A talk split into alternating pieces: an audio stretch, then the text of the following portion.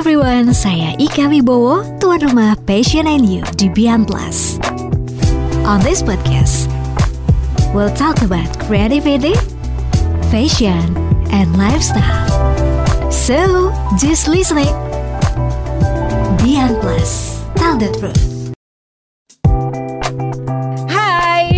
Saya Ika Wibowo, tuan rumah Passion and You di Beyond Plus. Kita bakal ngobrolin tentang menulis bisa nggak sih jadi passion? Nah, kalau teman-teman mendengar kata passion dan kata menulis, apa sih sebenarnya yang ada di benaknya teman-teman? Mungkin sebagian dari kita kayak ada yang langsung males gitu ya, karena nggak suka nulis, tapi ada juga yang langsung semangat dan bergairah. Tapi sebenarnya susah nggak sih buat seseorang itu suka dengan aktivitas yang satu ini? Gimana caranya buat kita jadi lebih suka? memulai, terus akhirnya mengasahnya. How to always be a passionate. Kita juga akan ngobrolin tentang hal ini dan kita akan bahas bersama-sama di Passion and You bareng saya Ika Wibowo dan Hai, saya Angelin, travelogis dan juga penulis buku. apa kabar? Kabar baik banget. Kabar Eh, baik. So far iya, kabar baik banget. Walaupun banyak hal yang harus kita adaptasi, tapi tetap optimis aja sih di hidup ya.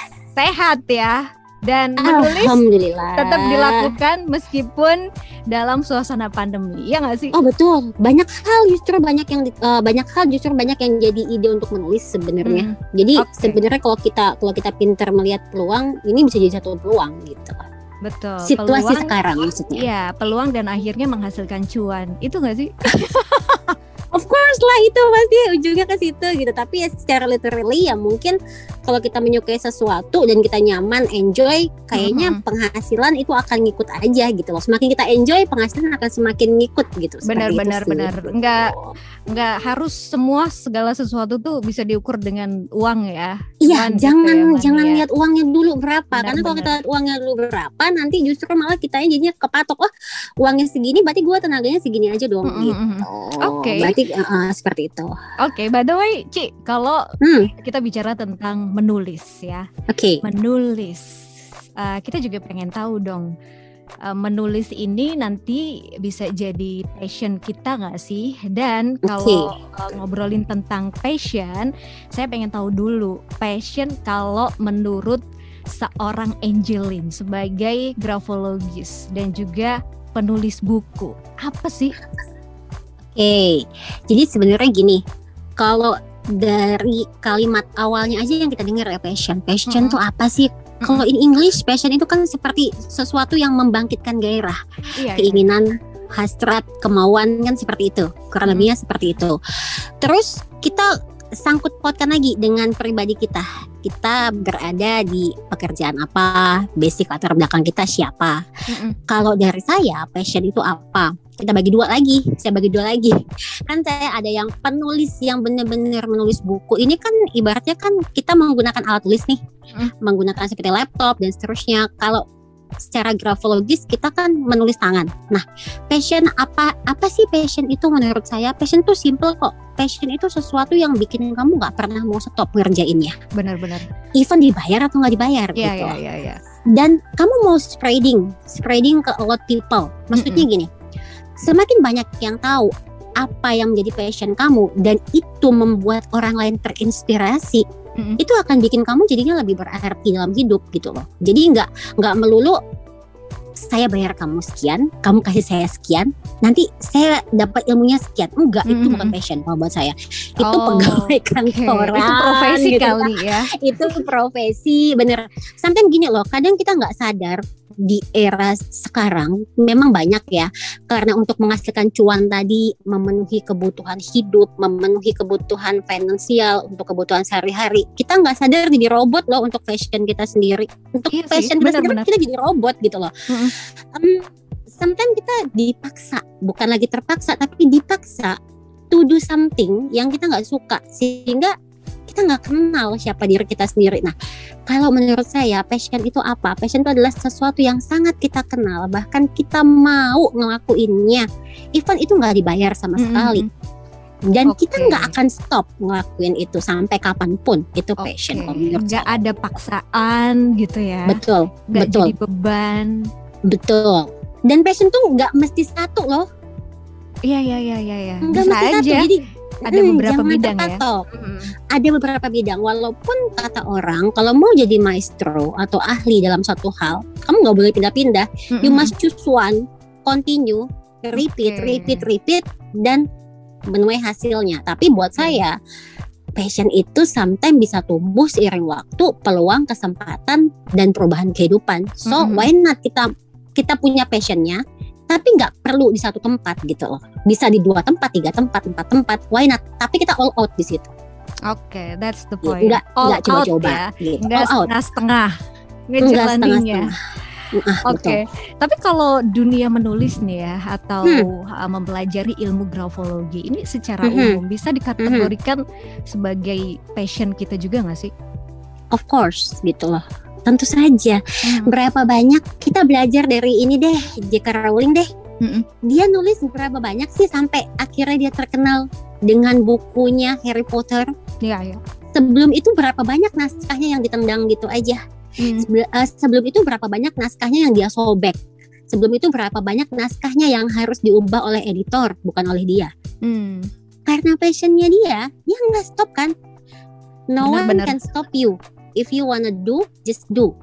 Tapi kalau kamu dunya karena something ah ini susah ngomong. Jadi kalau dibilang apakah menulis itu bisa sebagai passion of course berapa banyak penulis-penulis terkenal di luar sana yang nggak bisa di stop ini saya ngomong Oke. hal baik ya. Mm-mm. hal yang hal yang tidak baik bagi sebagian orang. Mungkin contoh gampang.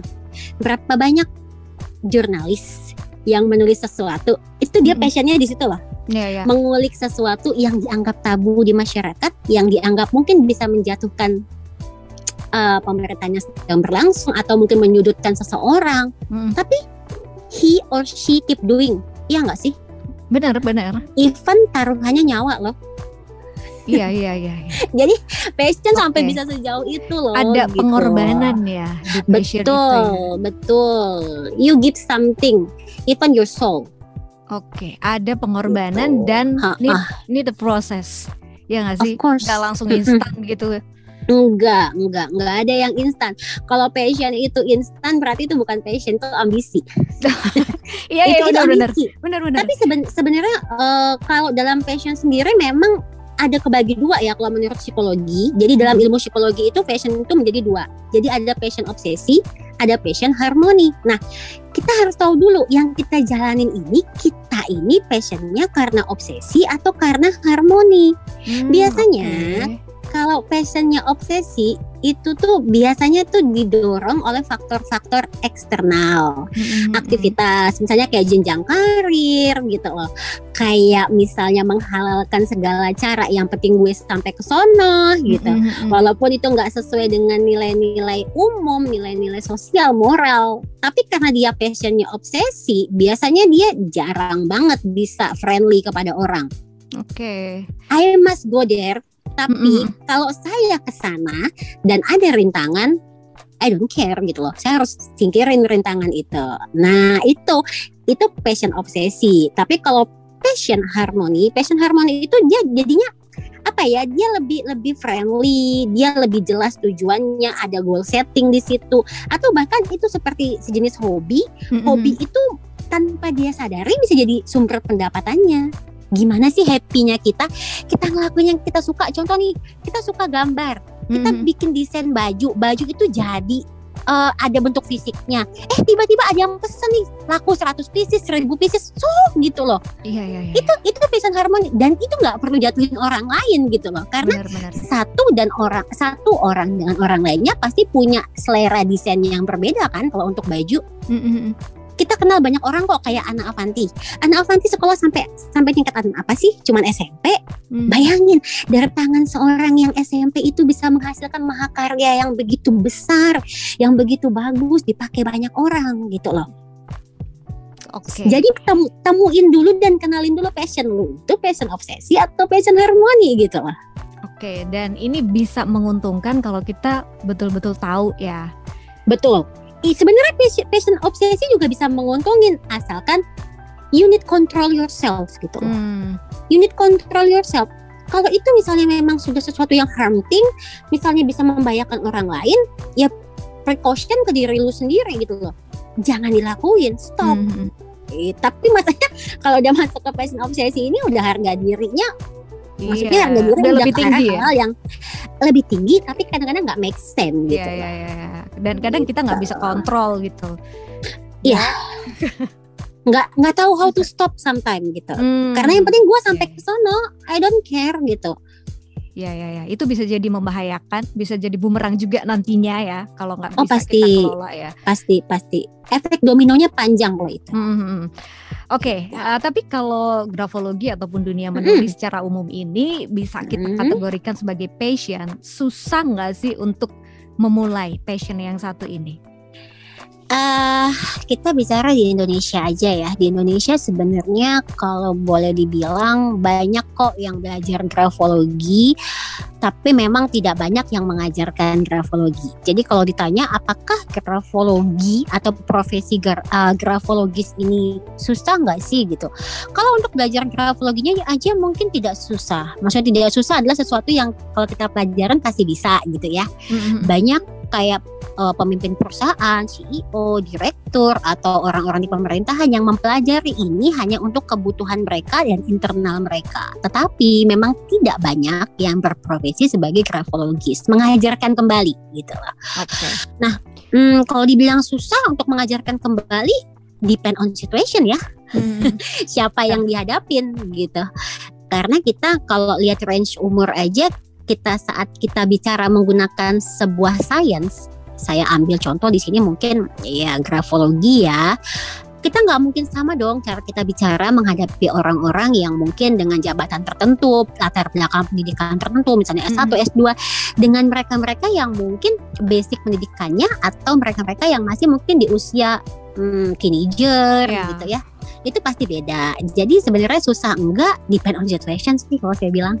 Dan ya tadi balik-balik ke passion lu lagi. Iya, iya, kalau lu nggak benar-benar. punya passion, lu nggak bakal sabar ngejalaninnya. Gitu. Oke, bisa jadi susah, bisa jadi sebaliknya ya. Betul. Tapi rasanya selama saya menjalani ini gak pernah susah sih.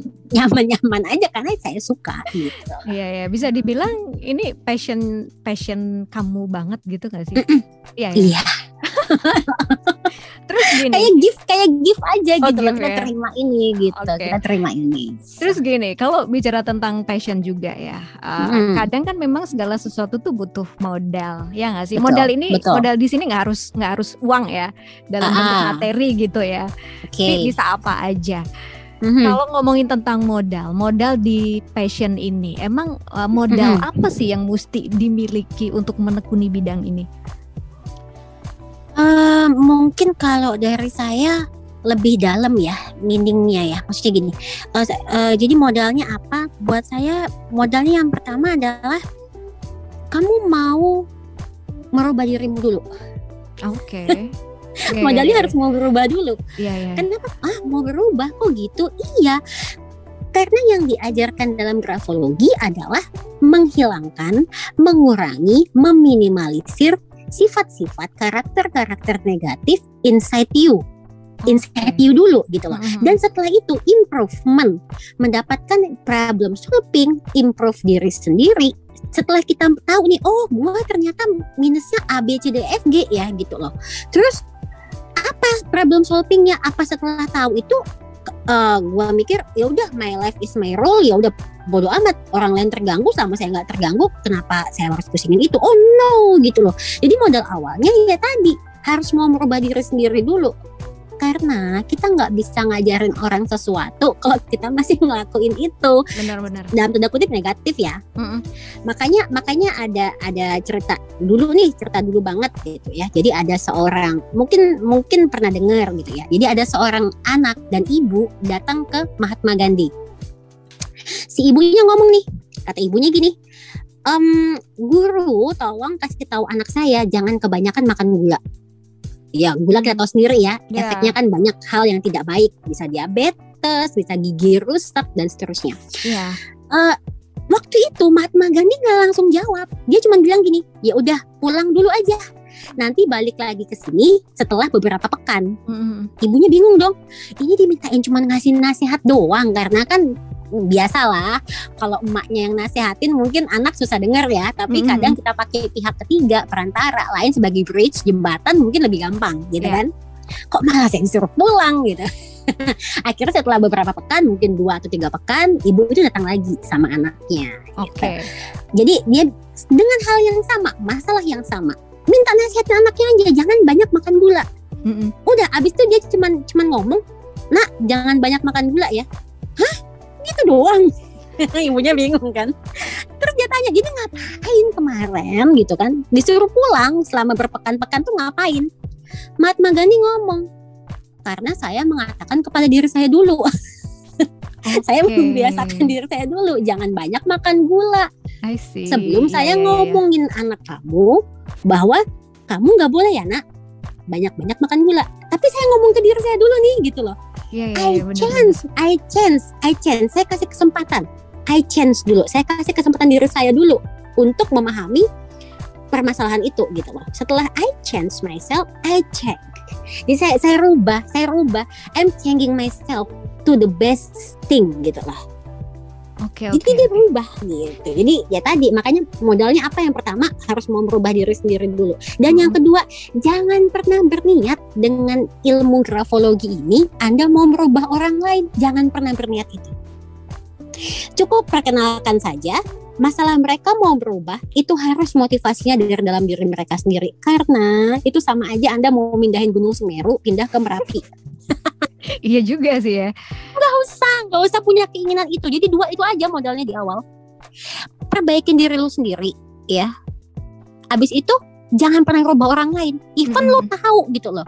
Ini tinggal AKB doang lo geser lo jadi bagus. Tapi nggak usah cuma tunjukin how to do-nya aja Mm-mm. masalah mereka mau geser nggak mau geser that's not your job untuk merubah itu Oke, tugas kita menyampaikan tidak mengubah Betul. paksa ya. Betul. Tapi nanti kalau mereka mau berubah dan bertanya ke mana nih arah jalannya, mereka Mhm. minta mappingnya ke kita, tunjukin. Oke. Tapi walaupun kita tunjukin, masalah nanti mau belok kiri atau belok kanan, kita cukup ngomong di kanan ada ini, di kiri ada itu. Terserah Oke. mereka mau choose yang mana, gitu loh. Kita nggak bisa bilang turn the left, turn the left, nggak bisa atau turn the right, nggak bisa, nggak boleh gitu loh. Oke, ya ya ya. Memberikan Betul. gambaran aja kalau ke sini bakal seperti ini, Betul. bakal seperti ini. Betul, kan ya. betul, betul, Pilihan ada di kita masing-masing. betul. Oke, kalau untuk mengasah nih, mengasah kemampuan di bidang ini, secara umum Hmm. aja ya, karena kalau kita bahas Hmm. secara detail nggak cukup kayaknya durasi kita. Kita buka kelas berapa hari, Iya, Bu? iya benar. Secara umum gimana sih? untuk mengasah kemampuannya kalau secara umum satu jangan pernah stop menulis jangan pernah stop melihat tulisan orang tapi nggak menghakimi ya don't judge Hmm, itu aja nggak saya setiap hari. Oke. sama aja itu itu tuh sama aja kayak tukang masak pegang kuali pegang pegang apa pegang panci pegang bumbu dapur setiap hari. Hari Mhm. ini mungkin racikannya enak tapi kok kayaknya kurang asin. Besok mungkin asinnya pas tapi kayaknya kurang gurih.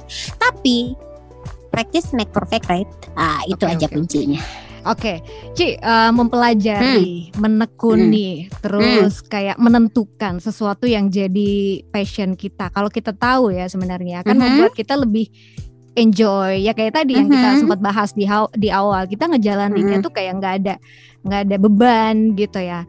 Share Mhm. dong pengalamannya Cici ini waktu cari Mhm. tahu passionnya dulu tuh seperti apa. How did you come to know that uh, writing, gravel, uh, graphologies is the passion gitu until Oke, now. Oke, oke, oke. Jadi gini, hmm, saya ini sejarahnya agak panjang ya sebenarnya sebelum menemukan sampai akhirnya I'm standing in front uh, a lot of people ya. I'm Mhm. standing in front my student, if I can say that.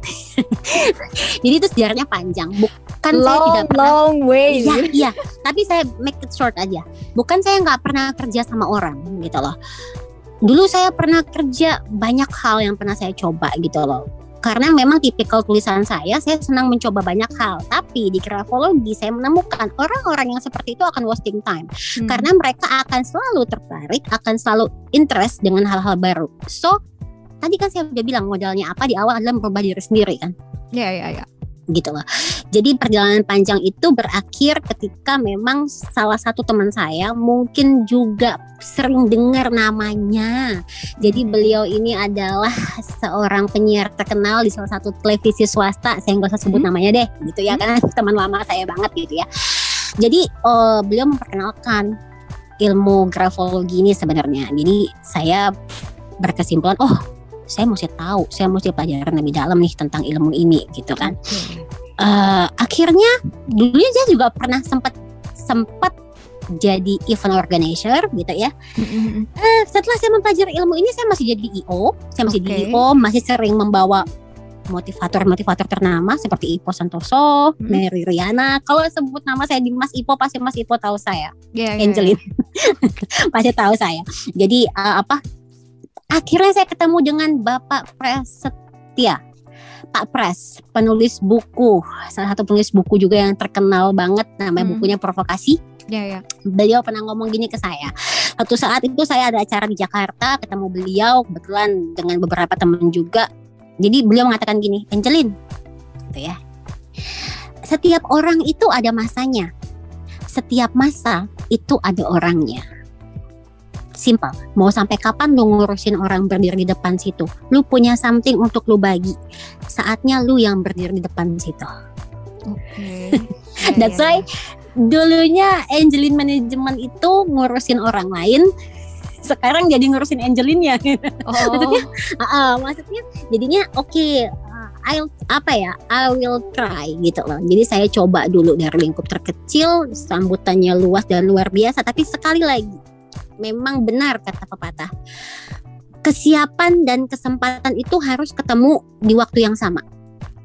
Nggak oke. boleh waktunya beda. Mm-mm. Jadi kalau kesiapannya muncul di jam 7, kesempatannya muncul di jam 8, itu nggak akan jadi apa-apa. Mm. But kalau kamu ketemu kesempatan jam 7 dan kesiapan kamu ada di jam 7, kamu akan jadi sesuatu. Dan thanks Oke. God itu terjadi sama saya gitu. Oke, ya ya. Dan ya itu tadi seperti yang kita bilang ya, semua itu Mhm. berproses. Betul. ya kan? Semua itu Dan- berproses. Sampai sekarang saya masih berproses. Dan ketika kita misalnya ya melalui Mhm. banyak hal itu adalah hal yang sangat wajar ya. Melalui banyak Mhm. hal sampai akhirnya baru bisa ketemu passionnya Oh iya, gitu. Pasti. Baru bisa pasti. ketemu sesuatu yang membuat kita lebih bergairah. Pasti. Itu wajar ya. Ini tahun berapa sih 2021 bener? Mm-mm. Saya mulai mengajarkan grafologi itu which is tahun 2013 akhir, 2014 awal yaitu berarti sekitar 7-6 tahun yang lalu. Wah saya masih anak-anak gitu kan ya. saya maksudnya saya masih dianggap anak-anak ketika yang di depan saya bayangin deh. Hmm, Mbak Ika, di Dan depan senior saya gitu itu ya. guru-guru sepuh, iya, guru-guru sepuh yang mungkin usia beliau-beliau itu mungkin 40 tahun yang termuda loh. Saya ngajarin kepala sekolah kepala sekolah, saya ngajarin kepala dinas kepala dinas, saya ngajarin para bahkan ada beberapa orang yang profesor. Mm-mm. Saya Iya, siapa ketika Iya, itu? Dan itu itu butuh mental. Makanya saya bilang nggak bisa kesempatan dan kesiapan itu ketemu di jam yang beda. Event itu cuma satu menit loh. Event cuma Oke. satu detik nggak bisa Ya ya ya. ya. gitu. Oke, itu yang mesti kita perhatikan juga ya. Iya, jadi mesti jeli ngelihat kesempatan. Jangan pernah buang kesempatan. Tapi satu, kesiapan duluan yang harus disiapkan. Mhm. Jadi kesiapan itu harus dulu kita punya. Masalah kesempatan datang kapan aja ketika kita udah siap. Jadi gitu loh. Oke, Jadi siapin dulu kesempatan- berarti ya. Siapin oke. dulu diri Anda. Mau kesempatan datang 10 kali kalau Anda nggak pernah siap, itu nggak akan jadi apa-apa gitu. Mm, mm, Oke, baik. Habis ini udah langsung ya. Kalau udah dapet kata-kata yang eh, bau-bau seger gini kan udah langsung semangat gitu. Tapi besoknya lagi turun, down lagi. Ah, makanya saya bilang grafologis itu bukan motivator gitu loh. Iya, Tapi iya, saat sekali sekali kita ketemu sama orang, kita bisa kasih orang bahasa seperti ini. Kita juga ngomong loh ke diri kita sendiri. Eh lu ngomong itu ke orang, ngomong itu juga ke diri lu gitu. Seperti Hmm. cerita Mahatma Gandhi tadi. Iya ya benar-benar. Ya eh, dan biasanya kalau eh, apa ya orang yang berbicara itu dia juga melakukan hal yang dia bicarakan akan lebih mudah dipercaya oleh orang lain ya nggak sih? Getarannya tuh kerasa. Iya. getarannya kerasa. Jadi uh, berapa banyak sih orang yang bisa ngomong banyak ya penjual Mm-mm. obat juga bisa ngomong Iya, kan benar. tapi permasalahannya nggak semua orang akan stop gitu loh nggak semua orang akan akan terpanggil untuk stop ngeliat tuh orang jualan apa gitu. Bener bener. Bener banget. Terus gini ada yang bilang juga bahwa setiap orang yang berbakat tapi Hmm. males untuk berlatih akan kalah sama orang yang nggak berbakat tapi rajin berlatih. Setuju nggak sama anggapan ini? Setuju pakai banget. Setuju ya? Kenapa? Gini deh berapa banyak orang-orang di luaran sana yang mereka punya bakat bagus tapi Mm-mm. mereka nganggap ah udahlah gue udah punya bakat nggak ngapa-ngapain aja gue hoki gitu loh. Hmm, Ba- bedain bakat sama ganteng ya sama cantik ya maksudnya gini, orang Iya, iya, iya. ganteng orang oh, cantik it- itu bukan usah bakat dandan. ya. Nah ya itu bukan bakat gitu loh. Maksudnya gini orang orang ganteng orang cantik nggak diapa-apain tetap aja kayak gitu. Mm-mm. ya kita kita yang pas-pasan ini mau diapa-apain aja belum tentu jadi sebagus mereka kan? Bener nggak sih? benar benar benar ini ini ini penjelasan paling sederhana dan masuk akal untuk menjelaskan kenapa kalau anda nggak punya bakat dan mau belajar secara otodidak anda harus melakukannya seribu kali lebih keras dibandingkan orang yang punya bakat oke. Gitu loh. eh orang yang nggak cantik yang biasa-biasa aja bisa jadi cantik lo pakai make up. Berarti iya, mereka betul, belajar betul. apa? Belajar make up kan? Mm-mm.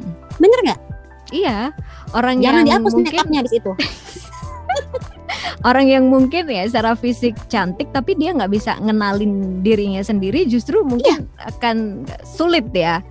Maksudnya Untuk- gini tetap Mm. cantik sih tetap cantik tapi mungkin glowingnya beda sama yang make upan. Tapi kalau dia yang cantik ini di make upin mungkin kalah yang itu. Tapi sekalah kalahnya paling tidak anda kan nggak punya bakat cantik nih misalnya gitu ya. Simpelnya gitu deh simpelnya. Mm-mm. anda nggak punya bakat cantik tapi anda berusaha untuk showing your beauty gitu loh. Betul betul. Eh, Iya, itu iya. akan kelihatan Iya, gitu. iya, nggak punya bakat cantik tapi kita bisa jadi menarik.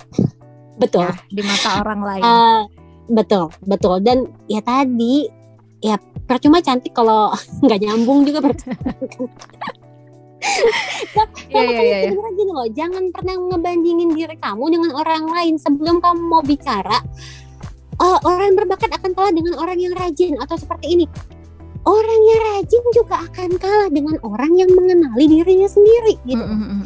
Karena orang yang rajin akan berlomba-lomba. Kalau dia nggak bisa kontrol, dia akan berlomba-lomba mencari apa yang orang lain suka dari dia. Itu capek. oke iya ya Eh, percuma percuma ya Nah, gitu. Jadi better kenalin diri sendiri dulu deh. Nanti setelah itu maunya apa, seperti apa, tinggal kita tahu cari tahu lagi. Oh, gua bakat gak sih di sini? Oh, gua nggak bakat, tapi gua pengen banget lakuin. Repeat Oh. again, repeat again, gitu loh. Oke. Don't give up. oke Ah, konsistensi itu juga penting ternyata ya Persistensi, konsin, kos, konsistensi, fokus itu penting. Mm, mm, mm. Gitu. Oke. Oke, eh, tapi kalau eh, kita lebih ngomongin lagi tentang tulisan nih, tulisan itu kan eh, sebisa mungkin memang kita buatnya yang berkualitas ya. Kalau Mhm. menurut Cici ini kualitas sebuah Hmm. tulisan itu bisa dilihat dari apanya sih? Secara umum aja ya. Ini tulisan tangan atau tulisan apa nih? Boleh karena Tulisan kita tangan. ya karena lebih Grafologi expertnya di ya. gra- grafologi ya Oke, tentunya. oke, oke. Kol- eh, kalau kita bilang kualitas sebuah tulisan itu dilihat dari apa sih? Sebenarnya simpel. Satu, kadang kan orang mikirnya gini, oh tulisan tulisan saya berantakan, tulisan saya nggak enak dilihat, Mm-mm. tulisan saya susah dibaca, Mm-mm. gitu kan? Itu belum tentu menunjukkan orang-orang orang itu nggak berkualitas loh. Oke. Orang-orang yang jam kerjanya padat, seorang marketer, seorang penjual, orang-orang yang busy time-nya tuh setiap hari mungkin sampai dia nggak sempat untuk istirahat, untuk memenuhi apa ya kebutuhan dia sendiri. Kadang-kadang tulisannya ceroboh. Mm. Jadi kalau mau dibilang kualitas tulisan seperti apa, saya nggak bisa nentukan itu dalam dalam apa ya, dalam point by point. Karena semua manusia itu unik. Oke. Kadang your weakness this is your stronger point sometimes your strong point is your weak point depend how you use your strong or your weak point atau depend how you're showing your strong or your weakness point. Mhm. Jadi saya nggak bisa, nggak bisa bilang kualitasnya seperti apa. Oh nggak bisa, nggak bisa, gitu lah. Oke. Karena setiap orang itu berbeda. Setiap orang itu gini. Bagaimana satu orang dengan orang lain mentreatment orang aja pasti beda kan? Iya. Nah, kita nggak bisa bilang dong bagaimana kualitas yang baik dalam mentreatment orang. Mungkin bisa ngomong, oh tatap matanya, oh ngomong yang sopan, oke, but sometimes gitu loh, sometimes hal itu nggak berlaku di kesempatan atau di, di situasi tertentu itu nggak berlaku gitu. Mhm. Jadi saya nggak berani ngasih poin-poin untuk kualitas seperti apa sih gitu. Oke. Karena saya dan- menghargai person to person. Iya, iya, Individu itu punya punya keistimewaannya sendiri-sendiri Oke gitu. oke. Dan kita nggak bisa mengeneralisir bahwa oh tulisan yang ini bagus, yang kelihatan rapi itu bagus, yang ini buruk, ya jelek gitu enggak ya? Karena Jangan punya salah. karakternya sendiri-sendiri ya. Betul. Oke. Kadang-kadang tulisan seorang psikopat itu sangat rapi. Oh oke, ya ya ya ya. ya. Psikopat itu melakukan sesuatu itu by planning. Iya iya iya. Jangan terlena. Nggak pernah dia ngelakuin sesuatu tanpa rencana. Oke. Orang-orang yang maintaining well dalam kehidupannya, including psikopat gitu ya, itu maintaining well banget kok psikopat. Hmm, kita akan bilang itu tulisan yang berkualitas karena kita lihat itu rapi? Enggak dong. Iya iya benar-benar. Iya. So that's why I, I told you, that's why I told you, saya nggak berani ngetakin poin-poin kualitas seseorang dari A, B, C, enggak, enggak, enggak bisa. Iya iya. gitu lah. iya. Bukan itu ya kualitas dari tulisan itu bukan dinilai dari Yes. ketika ketika kebanyakan orang lihat, aduh ini gokil nih tulisannya bagus banget enggak ya Kadang Oke. dia mau show off lewat tulisan juga bisa kok. bener-bener ya ya tapi ada nggak kayak apa ya trik tertentu gitu biar tulisan kita semakin apa ya em, berkarakter? Nggak nggak berarti harus bagus sih ya tapi Oke, semakin berkarakter berkualitas gitu ada nggak? Ada. Makanya saya bilang, orang-orang yang mengenali dirinya dia sendiri, mengenali siapa dirinya, how you apa ya, how you are, what you want, ya bagaimana kamu mau melakukan sesuatu dalam hidup kamu, apa yang mau Mhm. kamu lakukan, seperti apa kamu melakukannya, itu nanti dia akan bisa membuat tulisannya jauh lebih baik. Contoh, kalau eh, kamu udah tahu huruf A itu terbuka di bagian atas, ada lubang angin di bagian atas, itu kan berarti kan dia mempunyai kemampuan berbicara yang baik. Iya, Sometimes iya. kalau lubang A-nya terlalu lebar bisa jadi ember. Mm-mm. Bener-bener Supaya tidak kita kan nggak tahu nih, jangan-jangan orang yang kita anggap nggak ngerti ilmu grafologi ternyata dia pernah belajar grafologi. Ketika dia ngelihat tulisan tangan saya kebuka bagian atasnya, yang bahayanya lagi kalau dia pimpinan kita ya, kalau Mm-mm. dia pimpinan atasan kita ya, Mm. yang tadinya dia oh I'm so sorry, ini mau dikat atau gimana? kenapa Eh, Enggak. Masuk nggak? Masuk nggak suaranya? Gak apa-apa ya. nggak apa Nanti nanti diedit biar aja ya. Jadi gini, takutnya misalnya itu pimpinan kita gitu ya. Mm-mm. Dia pela- pernah belajar grafologi. Dia mau kasih kita kepercayaan atau ketika dia mau discuss sama kita hal yang penting dan rahasia. Tapi nggak sengaja dia lihat tulisan kita A-nya bagian atas A-nya tuh kebukanya lebar banget. Mm-mm. Huruf A-nya tuh kelihatannya kayak huruf U bahkan saking lebarnya. Nah, dia yang udah pernah belajar grafologi dia pasti nggak akan cerita itu ke kita karena dia tahu kita pasti ember. Oke gitu loh. Nah, Bagaimana caranya kita mengurangi itu? Oh, kita udah belajar ilmu grafologi juga, tutuplah sedikit. Kalaupun misalnya nanti sekali lagi ya, karakter itu kan dibentuk berhari-hari Mm-mm. sampai jadi matang sebuah karakter, bukan dibentuk sejam dua jam. Mungkin ketika kita ingat kita akan menutup rapat huruf A kita, tapi sometimes huruf A kita itu mungkin akan kebuka, tetap akan kebuka karena memang Oke. seperti itu karakter yang sudah matang, gitu ya.